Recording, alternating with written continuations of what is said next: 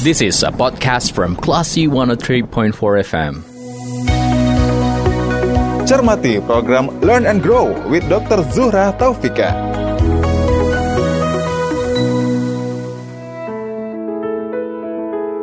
Dari Bumi Karang Putih Darung Padang, 103.4 Kelas FM, this is the actual radio. Assalamualaikum Classy People, apa kabar? Semoga sehat selalu ya. Saya Lia Priyanka, Anda mencermati program Learn and Grow with Dr. Zuhra Taufika. Halo Dr. Fika, apa kabar? Alhamdulillah, sehat. Oke, dokter. Uh, kali ini kita akan ngobrol tentang gizi seribu hari pertama kehidupan. Nah, Classy People, apa sih sebetulnya seribu hari pertama kehidupan. Beberapa dari Anda mungkin sudah familiar ya dengan istilah ini. Nah, sebagai orang tua yang memiliki anak atau mungkin Anda uh, akan memiliki anak gitu ya, coming soon atau sedang berencana untuk memiliki anak, sebaiknya kita mengetahui nih seluk-beluk seribu hari pertama kehidupan untuk optimalisasi tumbuh kembang anak biar lebih jelas. Kita langsung tanyain aja ke Dokter Vika. Dokter Vika, topik kali ini adalah seribu hari uh, pertama kehidupan. Ini bisa dibilang masa-masa emas, masa-masa krusial untuk seorang umat manusia ya. Aduh bahasanya jadi agak serius ya. Oke, okay, bisa dijelaskan ke kita nih lebih lebih detail seribu hari uh, pertama kehidupan ini apa sebenarnya Dokter Vika? Baik, jadi uh, mungkin beberapa masyarakat ya sudah akrab mendengar istilah seribu HPK karena itu memang sudah diistilahkan demikian. Jadi 1000 HPK atau 1000 hari pertama kehidupan merupakan suatu masa emas dalam tumbuh kembang anak. Nah, sekarang kan banyak tuh yang nanya apa sih 1000 hari pertama ini?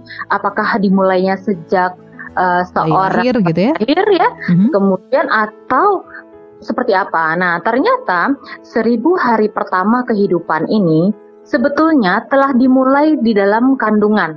Jadi ketika pertemuan dari sel ovum ya atau sel telur dengan sperma itu telah terhitung saat di mana dimulainya perhitungan seribu hari pertama kehidupan. Jadi nggak cuma pas bayi lahir, tetapi sejak di dalam kandungan, kemudian berlanjut saat bayi lahir, memperoleh ASI eksklusif 6 bulan, dilanjutkan dengan MPASI hingga usia anak sempurna 2 tahun. Jadi itu totalnya adalah 1000 hari pertama kehidupan. Oke, okay. kenapa ini menjadi penting dan disebut dengan masa emas, dokter?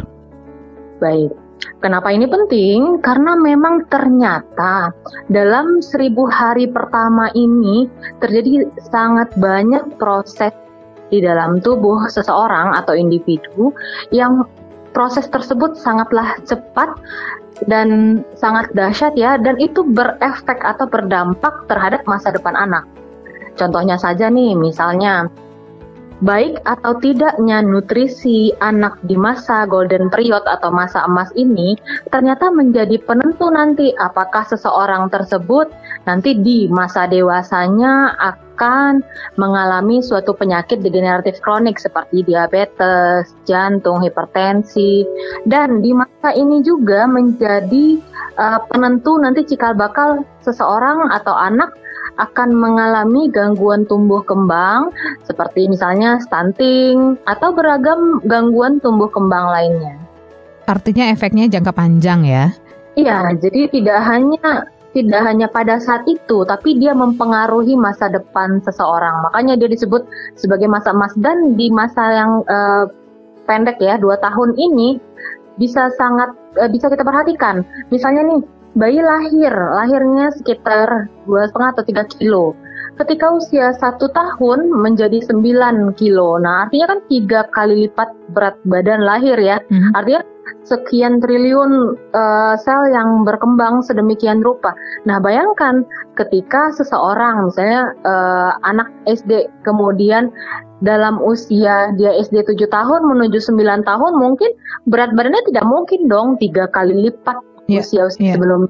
Nah, hmm. jadi pertumbuhan sel, perkembangan sel, dan terutama ya di dalam hal ini adalah yang paling krusial yaitu sel saraf.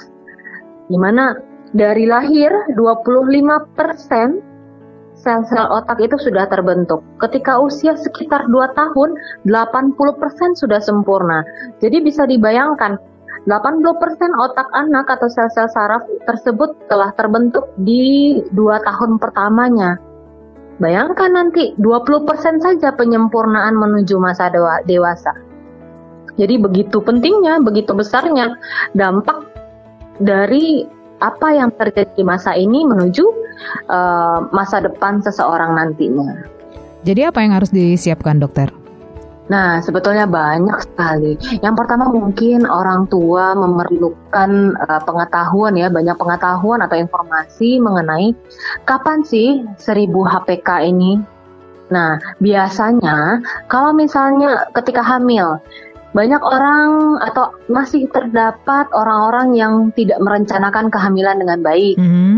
Nah, sehingga dengan tidak adanya persiapan, otomatis tidak tahu, oh iya tiba-tiba hamil. Sementara test packnya baru dicek mungkin setelah sebulan atau dua bulan um, pembentukan apa ya pertemuan sel zigot itu ya pertemuan sel sperma dan ovum itu yang terbentuk. Atau bahasa sederhananya ketika telat gitu ya, telat nah, menstruasi gitu ya. Haid, kan?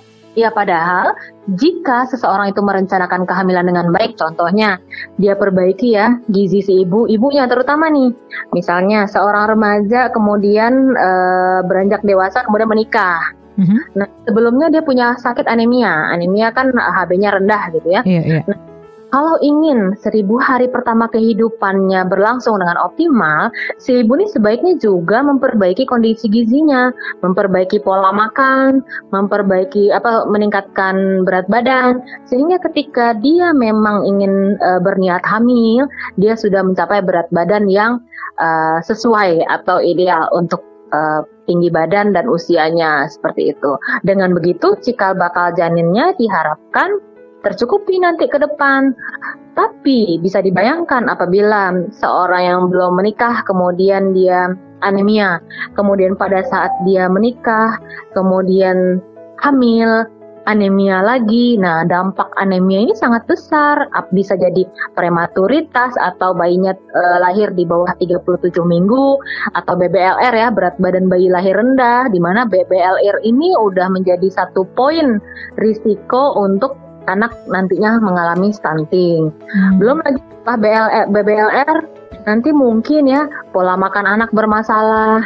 Yang endingnya yaitu tadi stunting, stunting yang disebut um, suatu gangguan tumbuh kembang anak yang memang ditandai dengan perawakan pendek, tetapi akibat permasalahan nutrisi atau malnutrisi dan 20% ya kejadian stunting ini ternyata sudah dimulai di dalam kandungan. Kayaknya kita harus uh, di top di hari yang berbeda nanti kita harus bahas stunting ini secara khusus nih dokter ya. Oh, Oke okay, baik. Ya, jadi itu loh gambarannya bahwa kok penting nih si 1000 HPK ya. ini gitu hmm. ya. Nah itu ya, tadi itu. di masalah hamil tadi dokter bilang kan uh, antara yang tidak direncanakan dan uh, yang direncanakan gitu ya. Tapi kalau pada saat kehamilan itu biasanya ketika si ibu melakukan kontrol itu kan dia suka diberi uh, berbagai macam vitamin lah, uh, mm-hmm. apa kapsul untuk uh, zat besi dan segala macam itu tidak cukup ya dokter ya? Nah sekali lagi kita cek dulu itu kan namanya suplemen. Yep atau vitamin. Kalau di dalam sebuah buku nih namanya suplemen itu kan tambahan ya, mm-hmm. bukan isi pokok ya. Ya, betul. Nah, artinya apa? Yang utama tetaplah pola makan gizi seimbang untuk kebutuhan ibu hamil. Nah, jadi si ibu hamil ini nih kalau dibandingkan dengan orang yang tidak hamil, dia mengalami penambahan porsi. Penambahan porsi itu ya satu porsi makan lah, kurang lebih 300 uh, eh, kilokalori kurang lebih. Nah, jadi artinya si ibu hamil juga selain mungkin mengkonsumsi uh, suplemen ataupun zat besi dan lain-lain yang dianjurkan oleh dokternya, dia juga utamanya adalah memperbaiki pola makan. Jadi lengkaplah di situ, ada karbohidrat ya atau makanan pokok, kemudian ada protein hewani, ada protein nabati dan ada uh, sayur buah sebagai sumber serat dan vitamin mineral. Nah, barulah nanti dengan proporsi tertentu ya sesuai dengan kebutuhan ibu hamil, tiga kali makan utama ditambah dengan dua kali snack ya atau uh, cemilan sehat. Nah, itu dilakukan setiap hari, barulah nanti insya Allah pertambahan berat badan ibu bulan ke bulan akan baik, yang nanti bisa tercermin dari peningkatan berat badan janin yang sesuai. Ini signifikan uh, berbanding lurus nggak ya penambahan berat badan ibu dengan uh, terpenuhinya kebutuhan gizi janin di dalam kandungan? Nah, kalau berbanding lurus mungkin banyak catatannya kali ya. Artinya berat badan ibu dahsyat naiknya tuh iya. belum tentu pada semua kasus ya. Tergantung nanti penyebab berat badan ibu naik nih karena apa uh, dulu. Uh. Ibunya apa udah naik 20 kilo misalnya gitu ya. Iya. Artinya banyak uh, faktor yang mempengaruhi, tetapi salah satu memang nutrisi ibu. Tapi nutrisi ini kita tidak harapkan juga ibu mengalami pertambahan berat badan yang berlebihan. Nah, mm-hmm. itu ada catatannya. Idealnya Jadi berapa, Dok? Kalau idealnya tergantung pada uh, status gizi ibu di awal kehamilan. Mm-hmm. Jadi misalnya nih kalau um, seseorang mengalami uh, malnutrisi atau KEK ya, kurang energi kronik. Nah, itu kan berarti berat badannya kurang daripada yang diharapkan. Nah, kalau kurang dari yang pada yang diharapkan, itu bisa jadi pertambahan berat badan yang diharapkan selama hamil lebih tinggi dibandingkan dengan yang berstatus berat badan ideal. Oke. Okay. Nah, sementara bagi ibu-ibu yang mungkin berstatus gizi overweight atau obesitas, mhm. kemudian mm -hmm. ternyata hamil, mm -hmm. nah pertambahan berat badannya ya lebih rendah dibandingkan dengan yang berstatus gizi ideal. Nah, untuk itu tentu perlu ini ya, perlu cek berat badan dulu, tinggi badan dulu, kemudian ada hitungan tertentu, baru diperkirakan, oh ibu ini nih karena status gizinya ideal, nah, cukup mungkin penambahannya sekitar uh, 10-12 kilo misalnya, itu contohnya nanti. Mm -hmm.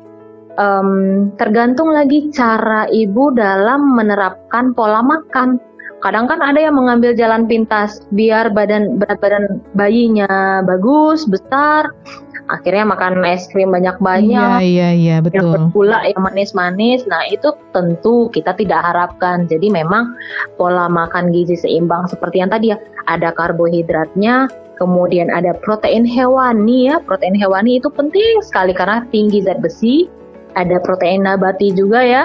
Uh, kemudian ada serat dari sayur dan buah yang juga mengandung vitamin mineral. Nah, itu yang kita harapkan dikonsumsi oleh seorang ibu hamil. Nah, tapi kan pertanyaan nih, kadang-kadang kan di awal kehamilan tuh mual muntah. Nah, itu dia, susah nah, makan, barangkali ada keluhan kayak gitu ya. Iya, betul. Jadi secara hormonal, memang hormon seorang wanita hamil mendorong uh, beberapa apa ya beberapa kejadian atau selera makan menjadi kurang enak terhadap uh, beberapa sajian. Nah itu kita maklumi. Namun sebaiknya tidak semuanya di um, acuhkan gitu. Artinya jangan mentang-mentang hamil kemudian ngidam ini itu diikutin sementara itu tidak baik untuk kesehatan atau sebaliknya. Ini baik tetapi karena nggak selera akhirnya dibiarkan begitu saja. Nah, akhirnya nanti janinnya malnutrisi. Nah, oleh karena itu, ada beberapa keadaan kita menganjurkan pada ibu-ibu hamil trimester 1, makanlah porsi kecil tapi sering. Mm -hmm. Jadi yang penting tuh perutnya berisi dulu, tapi sedikit-sedikit gitu. Karena di awal kehamilan kadang-kadang itu ada perasaan begah, nggak enak, mual hmm. gitu ya dok ya? Betul, betul. Jadi diakalin. Tapi jangan sampai pasrah gitu loh. Iya, iya. Ya kan hamil nih, udahlah biasalah orang hamil begitu. Karena memang dulu ada saya juga punya pasien ya dulu banget ya. Um, dia setiap hamil itu cuma makan ikan asin. Hanya mau ikan asin saja. Ya, mau itu aja lauknya gitu kan otomatis uh, uh. tidak baik ya dengan untuk apa ya untuk dampak terhadap berat badan bayinya tentu tidak baik. Nah, tapi Ternyata status gizi ibu pada saat kehamilan itu juga mempengaruhi. Tidak hanya status gizi yang bermasalah, misalnya kurang gizi, anemia, uh, tetapi juga psikologis ibu. Makanya tadi merencanakan kehamilan itu penting. Kalau seorang perempuan merencanakan, tentunya dengan uh, suami ya. Nah, berarti secara psikologis dia akan jauh lebih siap menerima uh, kehamilannya nih ya. Iya, karena kadang-kadang kan kalau kita stres nih, yang mungkin tadinya nggak bikin masalah jadi masalah gitu. Mhm, mhm. Yang mungkin kita masih bisa toleransi, aduh ini nggak enak nih, baunya gini. Tapi karena kita ingat janin nih, pada beberapa kasus ya, itu tetap bisa maksain dengan catatan diakalin. Mengolah pengolahannya barangkali begitu ya. Ah, ah. Bisa jadi misalnya nasi nggak mau, eh kalau diubah jadi lontong mungkin bisa dong. Iya, Kalau iya. pakai gulai toco nggak mau, pakai gulai cubada mungkin gitu ya. Ada banyak jalan ke Roma dan Benar-benar. Jalan-jalan itu baru bisa akan terfikirkan mungkin jika kondisi mental seorang perempuan ya, terutama ibu ya, calon ibu itu jauh lebih siap ketika merencanakan uh, atau menyambut sebuah kehamilan. Oke, dan itu kayaknya juga butuh support orang-orang di sekitar ya dok ya, suami, keluarga, mertua, orang tua. Hmm, betul sekali. Jadi artinya memang uh, support itu sangat uh, penting, bahkan utama ya, karena kalau tidak orang-orang di sekelilingnya siapa lagi? Karena perubahan fisiologis ibu pada saat hamil itu sangat banyak sekali, entah itu bentuk badan, entah itu mood ya yang naik turun pagi, siang, sore, malam itu beda-beda gitu. Belum lagi nanti selera makan pengen, tetapi ternyata kok baunya begini-begitu. Mhm, mhm. Itu emang banyak banget kasus-kasusnya seperti itu. Untuk ibu-ibu yang barangkali sudah pernah hamil lebih dari satu kali, mungkin sudah punya semacam pengalaman. Nah, untuk ibu-ibu baru, ibu-ibu muda nih, yang baru mengalami kehamilan pertama, barangkali ini semacam jet lag gitu ya, bingung mau ngapain, seperti tidak bisa mengontrol tubuhnya sendiri ya dok? Ya bisa jadi. Eh tapi eh, nggak semua ibu-ibu yang udah punya pengalaman juga menga- tidak mengalami ya. Mhm. Artinya bisa jadi nih pada kehamilan sebelum-sebelumnya beda sama yang Benar, sekarang. benar. Ada. betul, betul. ada. Ada juga tuh yang misalnya mual muntahnya cuma sedikit. Uh-uh. Ada juga yang mual muntah sampai detik terakhir mau melahirkan ada. Mabok terus 9 Iya. bulan ya. Hmm, mabok dan gak hanya mabok, mabok ada eh, bisa muntah darah juga ada Wow. Seperti itu. Tapi itu tadi kembali lagi memang karena kehamilan adalah suatu perubahan tubuh ya sesuai dengan individu masing-masing tentu respon tubuh itu juga bisa berbeda-beda. Nah dengan kesiapan psikologis yang lebih baik itu insya Allah sih seorang seorang ibu akan eh, lebih siap dalam menjalani kehamilan. Jadi itu adalah part pertama ya atau bagian pertama Hmm. dari tubuh HPK gitu. Oke baik, kita kunci sampai di situ dulu ya. Uh, Part pertama dari seribu hari pertama kehidupan masih ada uh, part-part berikutnya. Setidaknya ada dua part lagi nih kayaknya ya. Iya. Oke, nanti Classy People kami akan kembali untuk anda di program Learn and Grow with Dr. Zuhra Taufika dengan topik gizi seribu hari pertama kehidupan. Jangan ke mana-mana, tetap di 103,4 Kelas FM. This is a podcast from Classy 103.4 FM. Learn and grow with Dr. Zuhra Taufika.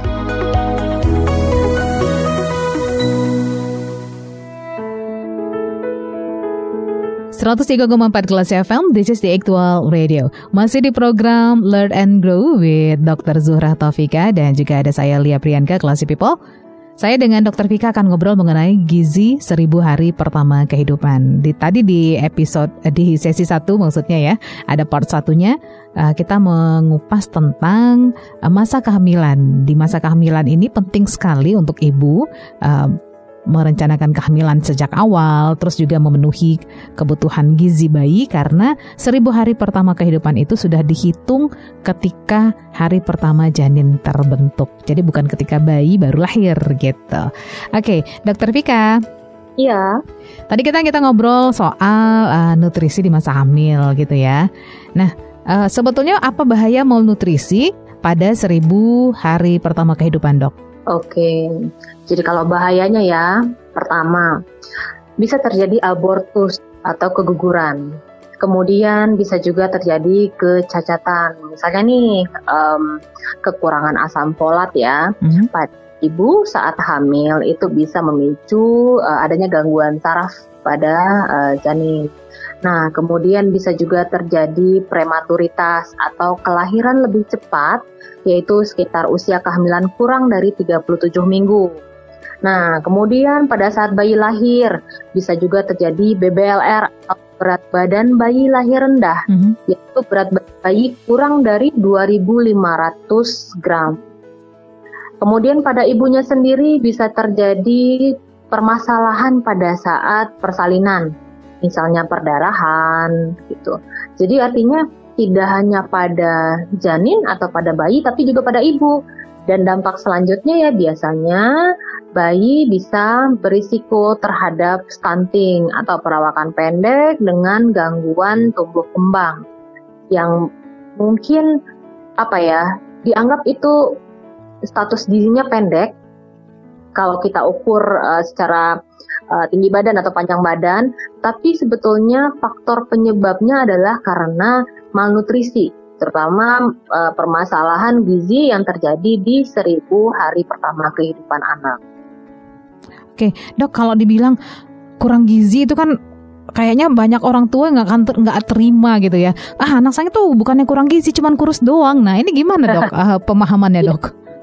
Jadi um, kalau kita lihat-lihat mungkin memang masalah istilah ini cenderung menjadi banyak permasalahan gitu ya. Mhm, Ya, tapi itu kembali lagi sih kepada individunya. Apakah akan menyikapi itu sebagai suatu masalah atau justru tantangan yang ingin dicarikan solusi Iya. atau dituntaskan gitu. Mhm. Nah, jadi kalau misalnya dulu nih, udahlah nggak apa-apa sih kurus tapi lincah gitu Iya. kan. Padahal sebetulnya Iya, itu kurus kayaknya gitu. udah Iya, udah kayak banyak gitu. orang kayaknya ya. Jadi padahal kurus itu udah masalah. Jadi kita punya beberapa parameter atau eh, apa ya istilah dalam pengukuran. Kalau misalnya dia eh, gizi buruk gitu ya kan kasus gizi buruk banyak tuh. Nah gizi buruk ini kita ukurnya apabila berat badan kita bandingkan dengan eh, berat badan seorang anak kita bandingkan dengan anak seusianya gitu. Jadi dapatlah em, penilaian seperti oh anaknya gizi buruk, oh anaknya gizi baik. Tapi kalau misalnya kita bandingkan antara uh, berat badan dengan tinggi badan anak. Nah, itu nanti kategorinya bisa anaknya uh, kurus atau anaknya gemuk misalnya.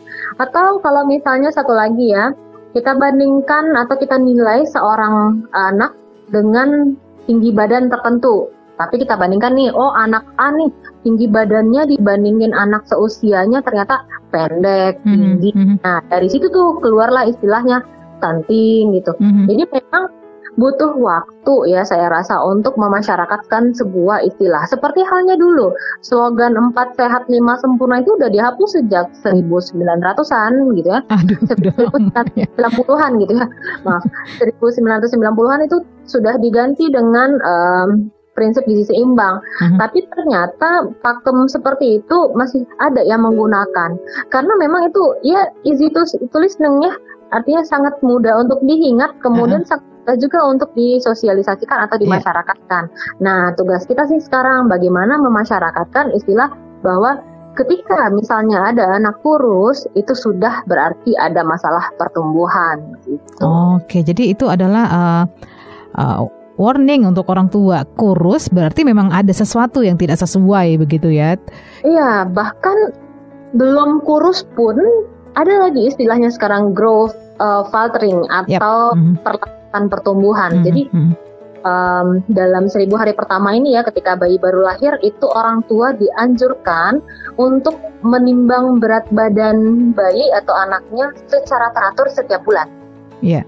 Nah, nah dari situ tuh ada garis tertentu pada grafik yang menunjukkan bahwa nanti, aduh kalau kemiringannya seperti ini misalnya ya, nah ini berarti pertumbuhan anaknya masih baik. Eh ternyata naiknya eh, ada sekian gram gitu ya, tapi ternyata kenaikan tersebut belum memenuhi eh, standar yang sesuai. Mhm. Jadi misalnya nih anak eh, di usia sekitar 0 sampai 1 bulan itu kan eh, target kenaikan berat badannya sekitar minimal 800 atau 900 gram. Ternyata si anak nih naik, tapi naiknya cuma 700 gram. Berarti kan tidak memenuhi ya. Nah, itu akan membuat bentuk grafik yang berbeda dengan anak yang mengalami kenaikan yang cukup baik. Nah, dari bentuk grafik itu saja sudah bisa kita nilai anak mengalami pertumbuhannya baik atau tidak baik. Jadi jangan boro-boro ditunggu berat badan anak tidak naik dulu baru dianggap ada masalah. Ini kalau di kartu di buku Kia itu ya uh, ada ada ada grafiknya itu uh, dokter itu ada ada degradasi warnanya juga ya. Nah, itu ada degradasi warna, namun kita memang memperhatikannya lebih kepada bentuk grafik. Bentuk grafiknya. Jadi, ada grafik WHO namanya mungkin di bagian-bagian agak belakang ya. Uh-huh. Nah itu nanti ibu-ibu uh, ataupun bapak-bapak bisa perhatikan di buku KIA itu sudah sangat lengkap. Jadi tugasnya sih sederhana, bawalah anak atau putra putri anda ke pusat uh, layanan kesehatan setempat, kemudian lakukan penimbangan dan pengukuran panjang atau tinggi badan serta lingkar kepala. Tiga item itu yang sebaiknya dipantau secara teratur sampai usia anak 3 tahun. Oke. Ketika kemudian terjadi um, pertumbuhan yang tidak sesuai, masih bisa diintervensi, dok, untuk mengejar, dok? Masih, masih bisa. Jadi selagi dia di masa 1000 HPK ini, itulah kita masih punya celah yang cukup baik untuk um, membuat suatu intervensi uh, yang tepat gitu. Jadi inilah kesempatan untuk memperbaiki segala sesuatunya. Jadi misalnya nih ketika bayi lahir kan dia memperoleh ASI ya. Oh ternyata masalahnya di asupan ASI nih, asupannya asupannya mungkin tidak cukup atau mungkin kemampuan bayi dalam menghisap payudara ibunya yang belum optimal. Nah, kalau seorang ibu tidak menimbang berat badan bayinya secara teratur, tentu nggak ketahuan dong. Oh, hmm naiknya ternyata nggak cukup. Aduh, ternyata berat badan anak saya uh, tidak mencapai targetnya. Nah, gitu akibatnya. Dok, kalau misalnya ini ya uh, orang tua tuh masih coba ngeles gitu ya. Ah, saya nggak timbang berat badan anak saya, tapi dia baik-baik aja kok, tetap tetap bagus kok. Saya lihat dia masih sama dengan anak seumurannya. Nah, ini gimana kita mengkanternya, Dok? Nah, kalau saya memang cenderung begini. Jadi itulah uh, pertama ya tanggung jawab sebagai seorang tua gitu ya. Uh, sejauh mana sih mempersiapkan diri untuk memberikan yang terbaik dalam memenuhi hak anak. Jadi sebetulnya itu hak anak, bukan apa ya, bukan sesuatu yang lumrah, tetapi itu memang seharusnya yang mereka dapatkan gitu loh. Nah, jika ada ibu-ibu yang berpendapat seperti itu, kita cukup mengingatkan ini masa emas. Masa emas ini berdampak di mana jika ini terlewati dan kita baru menyadarinya di kemudian hari, tentu intervensi yang dilakukan tidak akan berdampak sesuai seperti kita mengintervensi sekarang. Kenapa? Contohnya, balik tadi ke sel otak. Jika misalnya nutrisi anak terpenuhi dengan cukup baik, itu sel-sel sarafnya sempurna 80% di usia 2 tahun. Bagaimana apabila kita tidak um, mengindahkan atau cenderung mengabaikan, ya nanti itu nggak bisa dikejar lagi. Jadi sebuah penelitian di Jamaika uh, menunjukkan bahwa anak-anak dengan pernah mengalami stunted ya atau pendek, kemudian di usia remajanya dilakukan tes IQ. Dan pada anak-anak tersebut ada kategori yang gizinya baik terus, kemudian ada yang uh, stunting tapi diberikan stimulasi, kemudian anak yang stunting tapi tidak diberikan stimulasi, ternyata di usia remaja tersebut nilai IQ-nya tetap meskipun sudah distimulasi dengan optimal, anak-anak yang dulunya mengalami stunting atau masalah gizi ya, perawakan pendek akibat masalah gizi tidak bisa uh, mencapai hal yang sebaik dari anak yang tidak mengalami stunting. Jadi begitu betul peran dari 1000 HPKI. Oke, nah kalau kita uh, bagi-bagi nih di masa tumbuh kembang anak ketika dia 0 sampai 6 bulan kan dia uh, sebaiknya hanya diberi ASI saja. Mm -hmm. Nah ini kan kadang-kadang uh, drama pengasian ini beda-beda ya tiap ibu ya. Ada yeah. yang lancar gitu kan, ada yang uh, asinya katanya seret, ada yang uh, memang akhirnya hanya menyusui beberapa bulan saja dan tidak cukup enam bulan. Untuk bayi-bayi yang seperti ini nih, yang tidak cukup enam bulan atau ada masalah dalam penyusuan seperti itu, uh, apa resiko yang akan diterima si bayi dok? Baik, sebetulnya kita mungkin di sini uh, tidak terlalu kaku sih. Artinya gini, Anjuran yang utama memanglah pemberian ASI eksklusif uh, eh, 0 sampai 6 bulan. Namun itu tadi kita akan menganjurkan orang tua untuk melakukan penimbangan secara teratur bulan demi bulan. Dari situ kan nanti dokter akan punya penilaian, aduh anak ini ada masalah nih, kok naik berat badannya tidak sesuai ya dengan hmm. seharusnya. Nanti akan dilakukan evaluasi. Evaluasi pertama tentu terhadap pemberian ASI-nya. Apakah pemberian ASI-nya efektif? Apakah perlekatan ke payudaranya baik? Hmm. Kemudian bayinya menghisap dengan baik? Nah, jika ada masalah terkait dengan proses menyusui, hal utama adalah memperbaiki hal tersebut. Jadi tetap mengoptimalkan ASI. Tapi jika sudah dicoba kemudian karena sesuatu dan lain hal akhirnya uh, asupan ASINya tetap tidak bisa optimal, maka untuk menunjang pertumbuhan anak bisa ditambahkan dengan susu formula khusus dengan pemberian dan takaran tertentu yang ditentukan oleh dokter gitu. Jadi memang utamanya tetap adalah uh, status gizi atau pertumbuhan anak gitu. Kalau pemberian MPASI lebih awal bagaimana dokter? Nah, pemberian MPASI itu nanti mungkin ketika misalnya kenaikan berat badan tidak mencapai optimal nih sekitar usia 4, 5, 6 bulan. Nah, itu kan 4-5 bulan itu fase yang mungkin pada sebagian anak memungkinkan untuk diberikan MPASI. Jadi ketika usia tersebut ternyata udah dicoba ASI, kemudian uh, terkendala gitu ya. Kemudian dicek lagi oromotor anak, kemampuan untuk mengunyah, kemampuan untuk uh, menelan, apakah sudah cukup baik atau bagaimana. Nah, nanti dengan pertimbangan tertentu barulah bisa diputuskan apakah si anak sudah cukup atau boleh untuk diberikan MPASI. Jadi memang pemberian MPASI kan sebaiknya di usia 6 bulan ya tepat mm -hmm. waktu mm -hmm. atau 80 hari. Tapi dalam kasus-kasus tertentu dengan catatan oromotor anak sudah cukup baik dan untuk pertumbuhan anak yang optimal, MPASI bisa diberikan sebelum uh, tepat di enam bulan. Tapi ini artinya tidak bisa ses, uh, si orang tuanya sebetulnya yang menentukan dikasih lebih cepat atau tidak gitu ya dok. Tetap harus konsultasi ke dokter uh, hmm. anak atau dokter gizi gitu ya. Iya betul. Karena ini tadi secara fisiologis sebetulnya uh, tubuh anak itu mengalami pertumbuhan dan perkembangan secara bertahap gitu. Jadi kenapa sih nggak langsung makan aja waktu bayi baru lahir? Ya nggak? Nah, itu semua tuh ada tahapannya. Terus kenapa sih 6 bulan itu dikasihnya yang teksturnya Lembut hasil gitu ya? Halus gitu ya? Uh-huh. Kenapa sekalian nasi padang aja? Nanti dia request rendang, Dok. ya, artinya mungkin kita bisa berpikirnya ke arah situ gitu ya. Jadi sesuatu itu kan ada tahapannya. Iya, yeah, sama, yeah. Dok kenapa sih bayi nggak langsung berdiri ya? Betul. Uh, baru lahir, jadi ada step by stepnya. Tapi step by step itu sekali lagi memang ada apa ya? Ada tahapan-tahapannya. Namun dalam kasus-kasus tertentu pada titik-titik tertentu itu akan ada um, perlakuan khusus dengan pertimbangan tertentu gitu. Ya kayak tadi ih kok anaknya uh, lima bulan udah dikasih makan sih? Oh kok dokternya ngajurinnya begini begini uh, begitu? uh. nah itu kan udah dinilai dulu. Iya benar. Oke. Okay. jadi uh, yang penting itu ada ilmunya gitu ya dokter, dokter ya?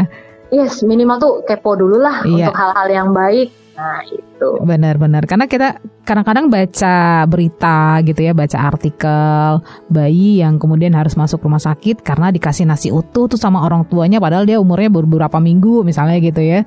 Nah, iya betul. Jadi masih masih banyak yang seperti itu. Tiga bulan ini udah. Jadi kadang mikir, kenapa gitu loh? Artinya kenapa tidak bisa bersabar? Jadi sebetulnya kan anak ini kalau untuk urusan hal seperti ya makan.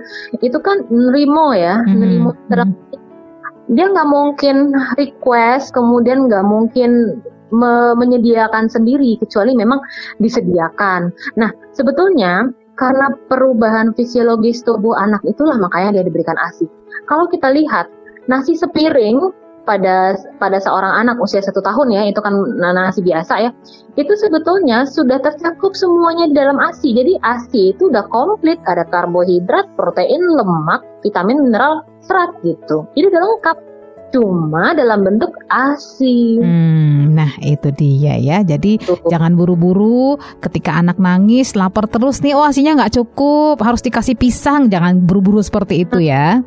Karena dikira ASI mungkin minuman kali ya. Iya, iya. Ya, karena dia cair dianggapnya cuma minuman, padahal itu komponennya sudah lengkap.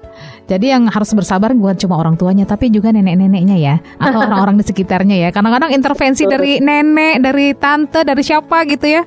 Si ibu akhirnya galau, akhirnya ya udahlah daripada dinyinyirin uh, dijulitin sekeliling, saya kasih deh pisang misalnya gitu ya. Nggak nggak gitu juga Iya. ya ibu-ibu ya. ya betul. Oke deh kalau gitu kita uh, break sebentar dokter. Nanti kita Oke. sambung lagi di uh, part ketiga ya di sesi ketiga. Tetap di 103,4 kelas FM Classy People dalam program Learn and Grow with Dr. Zuhra Taufika. This is a podcast from Classy 103.4 FM. Learn and grow with Dr. Zuhra Taufika.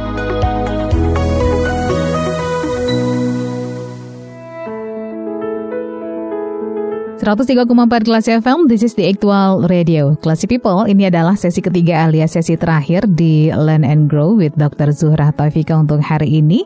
Topik kita adalah gizi seribu hari pertama kehidupan. Ini penting sekali didengarkan untuk Anda orang tua yang memiliki anak, akan memiliki anak, atau Anda sedang berencana memiliki anak. Sebaiknya kita harus mengetahui seluk-beluk seribu hari pertama kehidupan untuk optimalisasi tumbuh kembang anak kita. Oke, untuk Anda yang mungkin tidak sempat menyimak obrolan ini secara uh, dari awal gitu maksudnya ya, Anda bisa menyimak kembali. Silahkan nanti Anda buka podcast kami ya, bisa di Anchor atau di Spotify. Anda bisa bisa dengarkan di sana atau Anda bisa ke uh, www.kelasfm.co.id bisa dicermati kembali dari awal Gizi seribu hari pertama kehidupan.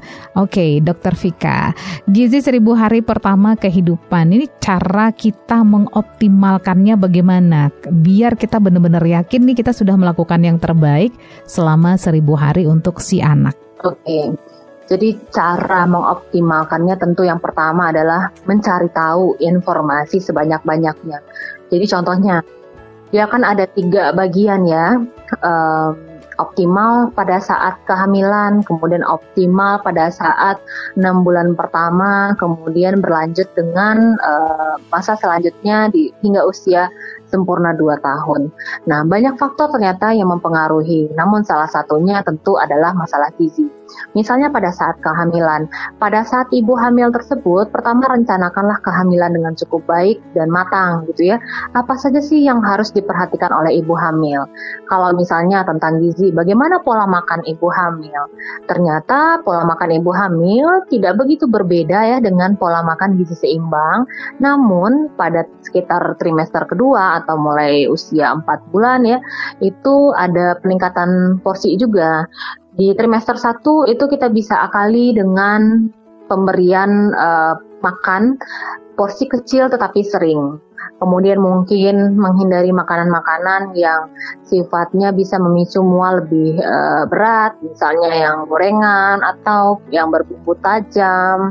Kemudian lebih memilih makanan yang garing. Nah, kemudian eh, berlanjut kehamilan, tentunya ibu-ibu perlu mempelajari apa saja sih yang perlu dipersiapkan agar pada saat bayi baru lahir nutrisinya juga optimal. Nah, karena 0 sampai 6 bulan bayi memperoleh ASI eksklusif, sebaiknya ibu juga mencari tahu bagaimana caranya atau tips sukses untuk menyusui. Ternyata konsultasi laktasi atau menyusui itu sudah bisa dimulai sejak ibu-ibu mengalami kehamilan di usia 7 bulan. Jadi nggak habis lahiran baru belajar tentang ASI atau menyusui, tetapi ketika sebelum fase menyusui itu datang, maka pelajarilah ASI itu apa sih, seberapa penting sih uh, ASI bagi anak, kemudian kapan saja saya nanti harus menyusui bayi, apa saja tanda-tanda bayi itu uh, lapar dan kenyang, kemudian bagaimana asupan gizi seorang ibu menyusui yang baik. Nah, ternyata kan ibu menyusui juga memerlukan porsi tambahan dibandingkan dengan ibu pada saat tidak menyusui. Nah, kemudian berlanjut nih, udah lahir bayi, kita pelajari juga, oh ternyata bayi lahir ini asupan utamanya adalah ASI, ASI saja, air tajin, tanpa air putih, tanpa pisang, dan lain-lain. Jadi udah dipelajarin dulu tuh satu-satu. Nanti jika ada kendala, jangan lupa berkonsultasi tentunya dengan dokter. Dan yang paling penting itu bagaimana kita tahu bahwa asupan anak sudah cukup baik. Kalau pada saat kehamilan kan ketika kontrol berat badan ibu dan berat badan janin diketahui nih, oh ternyata asupan ibunya cukup nih, berat badan bayinya cukup nih gitu. Ketika 0 sampai 6 bulan tadi, kenaikan berat badan bayi setiap bulan juga bisa menjadi salah satu uh, parameter atau penilaian. Ternyata ASI saya cukup untuk uh, dikonsumsi oleh bayi sehari-hari. Lanjut kemudian di usia 6 bulan ke atas itu saatnya fase MPASI. Tapi bukan berarti ketika anak 6 bulan ibu baru belajar tentang MPASI, enggak. Pelajarilah jauh-jauh hari sebelum itu. Sehingga ketika 6 bulan itu enggak gampang goyah. Udah 6 bulan ini kasih ini aja, kemudian kasih cemilan ini, ini loh, ini loh. Nah, segala macam masukan itu bisa macam-macam. Segala yang viral itu juga banyak ragamnya. Jadi kalau kita sudah mempersiapkan dengan cukup baik dari segi pengetahuan, insya Allah akan lebih mudah meskipun mungkin tidak menjamin 100% tetapi ya itu lebih baik. Pertama mempersiapkan psikologis ibu, kemudian juga mempersiapkan kemungkinan-kemungkinan apabila sesuatu tidak berjalan dengan baik, kita tentu akan lebih siap dibandingkan kita tidak mengetahui banyak hal sebelumnya. Nah, lakukanlah itu sampai minimal anak berusia 2 tahun pertama. Jadi jangan lupa pantau pertumbuhan, berat badan, panjang badan atau tinggi badan, dan lingkar kepala anak. Oke. Pertanyaan terakhir nih dokter Vika, kalau misalnya ternyata seribu hari pertama kehidupan itu sudah lewat masa emas itu sudah lewat katakanlah anak sekarang umurnya udah tiga tahun nih ya, berarti kan udah lewat uh, eh, 365 hari nih. Apa yang masih bisa dilakukan orang tua selanjutnya? Baik, jadi dalam uh, mengoptimalkan tumbuh kembang anak itu sebetulnya ada dua faktor ya, nutrisi dan stimulasi. Jadi ketika misalnya nutrisi ini menyediakan apa ya eh, hal-hal atau sel sarafnya baik gitu ya. Jadi misalnya nih dengan nutrisi yang baik sel sarafnya banyak. Eh ternyata udah lewat fasenya, udah tiga tahun kan udah 90% nih sel hmm. saraf otaknya uh, hmm. sempurna. Jadi berarti segitu doang nih misalnya sel sarafnya. Apa yang harus dilakukan? Ya, stimulasinya yang digiatkan. Artinya, ketika misalnya sel sarafnya banyak pun stimulasinya kurang, itu juga tidak baik. Okay. Apalagi sel sarafnya sedikit, stimulasinya juga tidak optimal. Mm -hmm. Jadi, uh, dari agama kita uh, diperintahkan untuk tidak boleh berputus asa. Nah, misalnya nih kita baru tahu sekarang, nggak apa-apa, kita tetap mengoptimalkan cara yang terbaik yaitu memberikan stimulasi yang tepat sesuai dengan usia anak. Apa yang harus dilakukan orang tua? Pelajari perkembangan anak itu seperti apa, kemudian tahapan-tahapannya seperti apa, dan bagaimana cara stimulasi sesuai dengan usia anak. Sebetulnya orang tua udah pada gampang loh. Ada aplikasi Primaku. Iya benar. Hmm, itu andalan saya juga itu. iya. Jadi kan di situ lengkap ya Bu ya. Artinya iya. oh usia segini nih harusnya udah bisa gini. Kalau belum gimana? Uh -uh. Oh ini cara stimulasinya gitu. Iya benar-benar. Justru saya insafnya tuh di anak kedua sebenarnya. anak pertama nggak terlalu gitu-gitu banget gitu ya dok ya. Ketika dapat ya. agak sedikit cobaan di anak kedua, nah baru melek gitu ya. Oh begini begini begini gitu. Ini manfaatnya lebih baik untuk anak ketiga ya. Eh, aduh. Kita lihat nanti aja deh. Kalau begitu terima kasih banyak ya dokter ya udah sharing, udah berbagi mengenai seribu hari pertama kehidupan. Mudah-mudahan ini bermanfaat untuk Anda classy people, untuk Anda para orang tua, untuk Anda yang akan memiliki anak, untuk Anda yang sedang berencana memiliki anak atau mungkin sekarang baru berencana menikah tidak masalah. Cari ilmu sebanyak-banyaknya biar nanti Anda bisa menjalani kehidupan uh, hamil, kehidupan pernikahan dan kehidupan mengurus anak tuh jauh lebih bahagia dan jauh lebih benar gitu jalurnya ya, Dok ya. iya. Oke dokter, terima kasih banyak sekali lagi. Sehat selalu ya. Yes, alhamdulillah. Terima kasih. Oke, okay, baiklah si people. Demikian obrolan saya Lia Priyanka dan Dr. Zuhra Taufika di program Learn and Grow with Dr. Zuhra Taufika. Terima kasih untuk atas dengar Anda. Saya Lia pamit. Assalamualaikum and then see you. Anda baru saja mencermati program Learn and Grow with Dr. Zura Taufika. This is a podcast from Classy 103.4 FM.